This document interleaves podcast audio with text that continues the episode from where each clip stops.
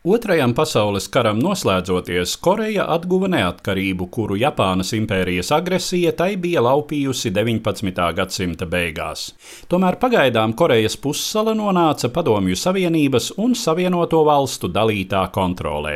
Okupācijas zonu robeža pa 38. ziemeļu paralēli dalīja pussalu apmēram līdzīgās daļās, amerikāņu kontrolētajos dienvidos veidojās rietumu parauga politiskā sistēma, savukārt ziemeļos padomju stila režīms ar komunistu Kīmu Irsēnu priekšgalā.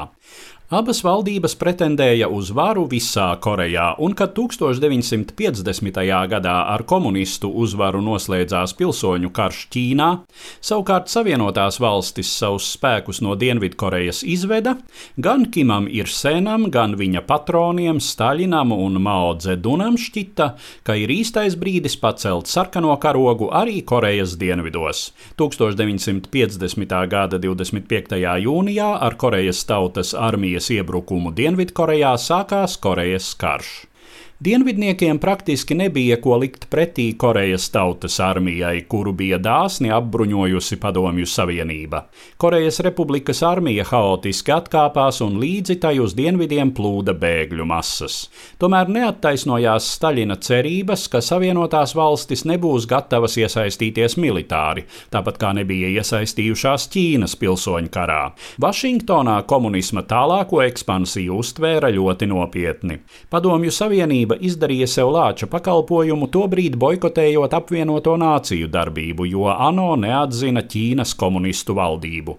Bez padomju klātbūtnes apvienotās nācijas pasludināja Ziemeļkoreju par agresoru, kuru dalību valstīm ir pienākums apturēt.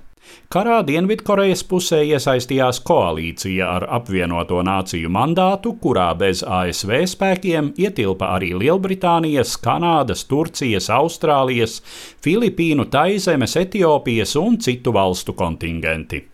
Septembrī amerikāņu spēkiem izdevās stabilizēt fronti Korejas pussalas dienvidu austrumu stūrī. Ziemeļnieku komunikācijas tagad bija stipri izstieptas, un amerikāņu aviācija tās gandrīz paralizēja.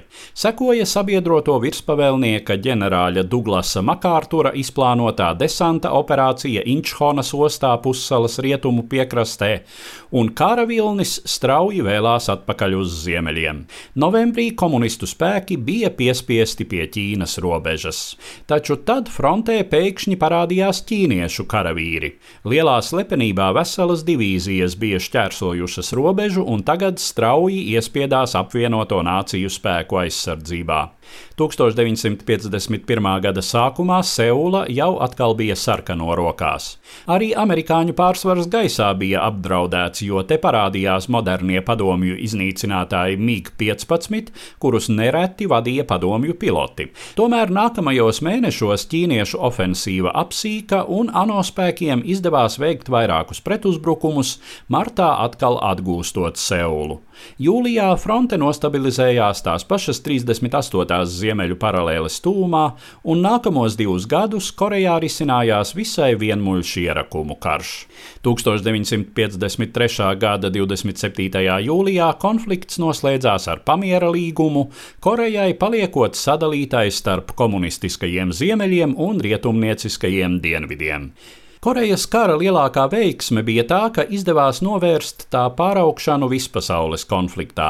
Pirmā nozīmīgākā augstā kara perioda sadursme iezīmēja globālās pretstāves raksturu, kad abi lielie pretspēlētāji, ASV un PSRS, iesaistījās lokālos konfliktos, taču vairījās no tiešas sadursmes. Korejas tautai šis karš nesa smagus upurus. Kopējais bojā gājušo apjoms tā arī nav līdz galam noskaidrots.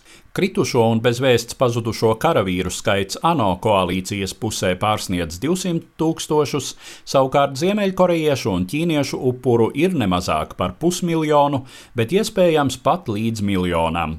Civiliedzīvotāju upuru apjoms tiek lēsts uz 2,5 miljoniem. Seulā, kur pirms kara bija mitinājies pusotrs miljons, kara beigās bija palikuši 200 tūkstoši iedzīvotāju, stāstīja Eduards Liniņš.